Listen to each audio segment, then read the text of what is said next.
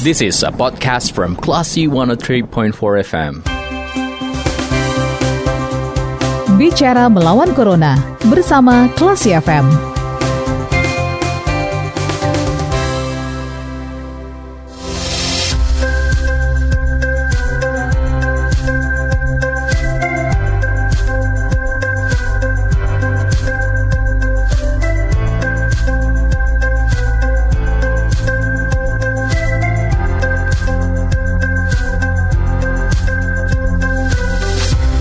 103,4 kelas FM, this is the actual radio. Classy People, Anda mencermati program Bicara Melawan Corona. Kali ini bersama saya, Lia Priyanka. Dan saya akan ngobrol bersama dengan Ibu Atika Triana. Beliau uh, dari KPU Kota Padang, Divisi Sosialisasi Pendidikan Pemilih, Partisipasi Masyarakat, dan Sumber Daya Manusia. Sore ini saya akan ngobrol mengenai sekolah pemilu virtual. Sebagian dari Anda mungkin sudah tahu apa itu sekolah pemilu virtual. Nah, buat yang belum tahu nih, kita akan korek lebih dalam lagi bersama Ibu Atika. Selamat sore Ibu Atika. Selamat sore Mbak Lia. Apa kabar? Alhamdulillah baik Mbak Lia. Kabar baik juga Bu Atika. Ini kita ngomong soal sekolah pemilu virtual. Gimana Ibu peminatnya sekolah pemilu virtual sejauh ini? Uh, Alhamdulillah sejak launching pertama yang diresmikan oleh Bapak Gabriel Daula itu uh, pada event pertama itu sudah mendaftar hampir 300 orang ya dan untuk uh, event yang kedua itu insya Allah besok juga sudah hampir 300 orang yang mendaftar dan uh, itu merupakan uh, suatu ekspektasi yang luar biasa bagi kami. Ini diresmikan tanggal 14 lalu ya Bu ya? Iya, pada tanggal 14. Ya? Iya tanggal 14 uh, eh, Oktober. Artinya belum satu minggu bahkan tapi peminatnya ternyata oh sudah satu minggu. Pas satu sudah minggu. satu minggu iya. iya. Peminatnya sangat banyak ya. Sebetulnya iya. uh, dari dari pendaftar itu sudah uh, memenuhi target uh, atau sasaran sekolah pemilu nggak kalau menurut Bu Atika?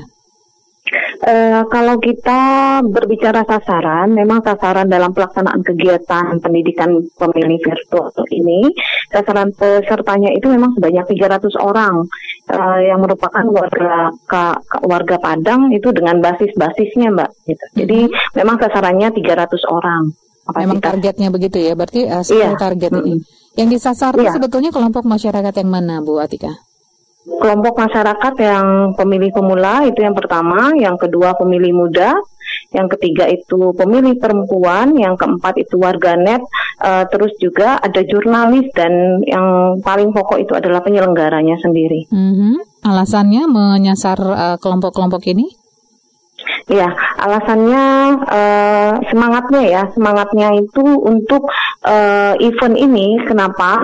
Uh, semangatnya untuk bagaimana upaya KPU Padang itu dalam meningkatkan wawasan kepemiluan di tengah uh, wabah uh, pandemi COVID. Jadi merespon situasi pandemi ini kan kita terbatas sekali untuk melakukan pertemuan-pertemuan secara konvensional sehingga ini di, uh, di dibuatlah satu sekolah pintar pemilu uh, menjawab kebutuhan pemilih kita ya pemilih tadi ada pemilih pemula, pemilih perempuan seperti itu uh, menangkap kebutuhan pemilih yang kebanyakan mereka itu memanfaatkan media-media digital seperti uh, saat ini seperti itu. Hmm, Oke, okay. ini berarti yang memberi materi nanti uh, siapa aja ini? Nah, kalau dari pemateri uh, narasumber kita itu, narasumber kita itu uh, terdiri dari uh, komisioner KPU RI, Mbak. Itu di event pertama kita pertemuan pertama virtual itu dibuka oleh Bapak Gabriel.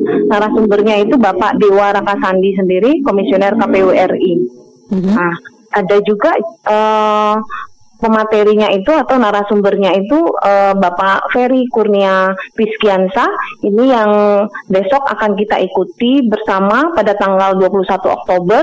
Selain itu juga ada dosen UNAN, uh, Direktur uh, Pusako ya, eh, hmm. Direktur Pusat Studi Hukum dan HAM ya, uh, Bapak Khairul Fahmi, Pak Dr. Khairul Fahmi, ada Ibu Dahlia Umar uh, Direktur Netflix Indonesia, juga ada Dr. Eka Vidya Putra dari UNP, peneliti senior labor sosiologi, dan ada Ibu Titi Anggraini, Direktur Perludem itu pada periode 2010-2020, dan juga sekaligus beliau adalah penulis buku serial tata kelola pemilu di Indonesia. Selain itu juga kita melibatkan langsung Bapak Gabriel Daulay sebagai narasumber kita dan juga uh, Ibu Dr. Indah uh, pada event uh, berikutnya. Jadi ada delapan kegiatan, Mbak. Delapan kali pertemuan untuk satu gelombang, begitu maksudnya Bu Atika? Uh, delapan kali uh, kegiatan ini dilaksanakan dalam setiap minggu, jadi 14 uh, setiap hari Rabu, setiap hari Rabu di uh, satu satu minggu. Jadi uh, Rabu tanggal 14, Rabu tanggal 21 gitu. Jadi satu kali seminggu itu kita adakan. Oke. Nanti materinya uh, apakah uh, ada target tertentu yang disampaikan oleh KPU untuk uh, para pemateri ini? Iya, ada indikator capaian dari materi-materi yang kita sampaikan. Ada indikator capaian seperti peserta e, mengetahui bagaimana lembaga penyelenggara pemilu seperti itu.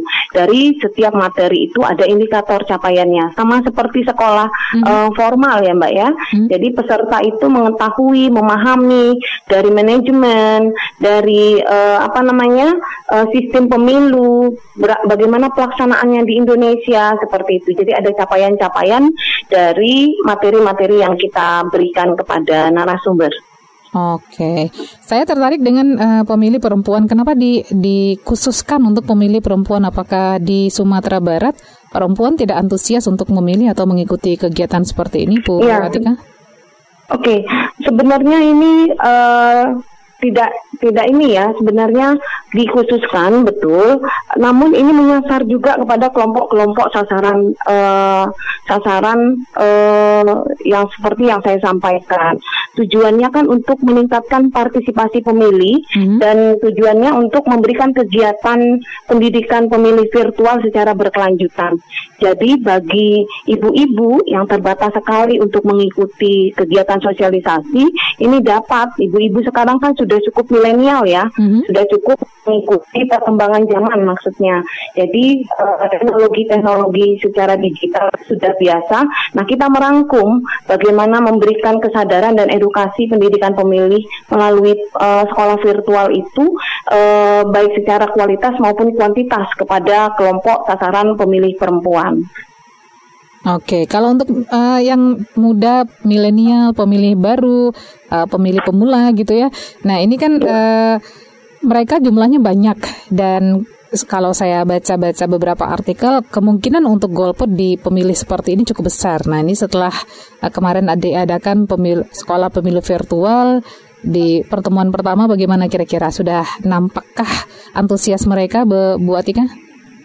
Iya, ini kita berdasarkan jadi e, berdasarkan kelompok umur saja ya, yang hasil DPP kita kita sudah mengelompokkan berdasarkan umur itu ada sekitar e, hampir 7% itu kelompok umur 17 sampai 20 mm-hmm. dan 21 sampai 30 itu dengan e, persentase 23%. Mm-hmm. Nah, dari 31 sampai 40 itu ada 21%. Artinya kelompok pemilih e, pemula muda itu ada di sekitar uh, 50 persen. 23, 21 sampai 7 persen. Tadi itu hampir 50 persen. Mereka adalah termasuk uh, ke dalam kelompok-kelompok pemilih pemula muda yang accessible terhadap uh, ini terhadap informasi digital, informasi yang uh, apa namanya yang memanfaatkan teknik komunikasi komunikasi secara digital. Nah dari event pertama itu memang uh, beberapa peminat kita adalah di kelompok-kelompok uh, umur tersebut seperti itu Mbak. Namun perlu digarisbawahi juga bahwa kegiatan uh, pemil sekolah pintar pemilu virtual kita pada event yang pertama itu tidak hanya ternyata tidak hanya diikuti oleh uh, masyarakat uh, Kota Padang saja Nah ini juga direspon oleh beberapa uh, diikuti oleh beberapa uh, penyelenggara dari uh, luar Sumatera Barat bahkan seperti itu ada Maluku, ada Tanjung Pinang dan uh, dalam catatan kita juga ada kabupaten kota lain yang ikut serta dalam uh, sekolah pintar pemilu virtual yang diadakan oleh KPU Kota Padang. Berarti ini uh, responnya bagus, antusiasme masyarakat juga bagus ya, Bu Atika ya? Iya, alhamdulillah Mbak. Berapa gelombang rencananya Ibu sekolah uh, pemilu virtual ini? Rencananya delapan kegiatan yang dilakukan dalam satu dalam satu minggu itu di uh, setiap minggu dengan tema dan narasumber yang berbeda. Apakah si pendaftar harus ikut ke semua pertemuan tersebut atau boleh memilih pertemuan mana saja? Atau bagaimana sistemnya?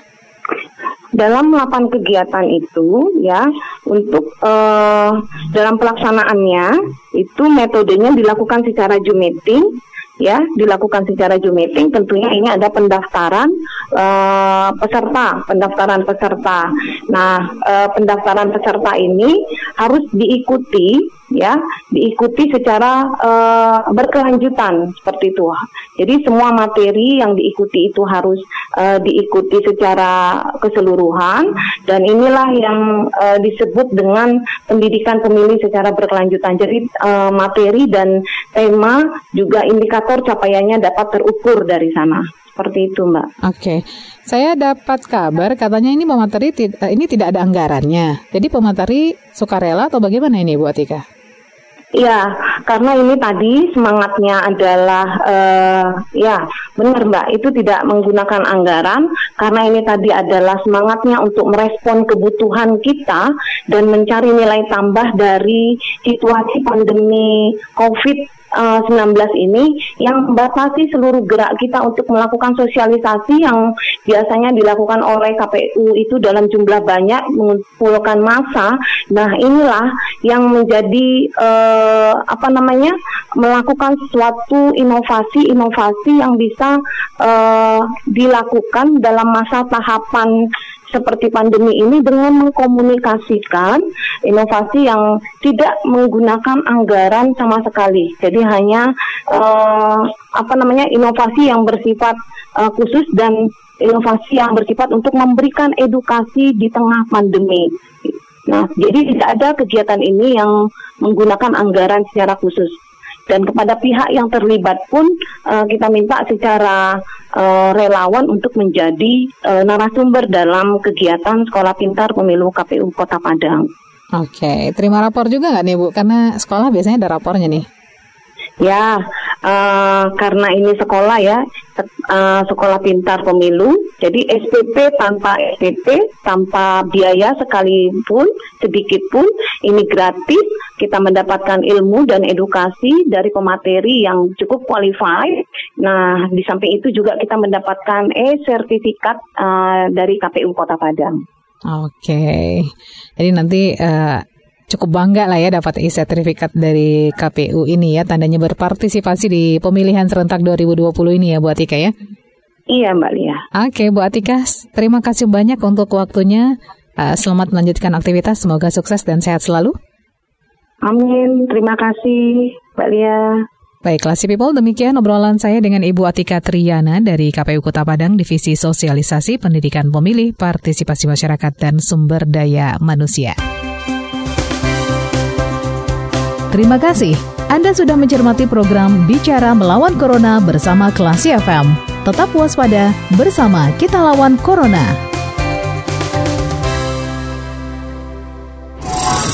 This is a podcast from Classy 103.4 FM.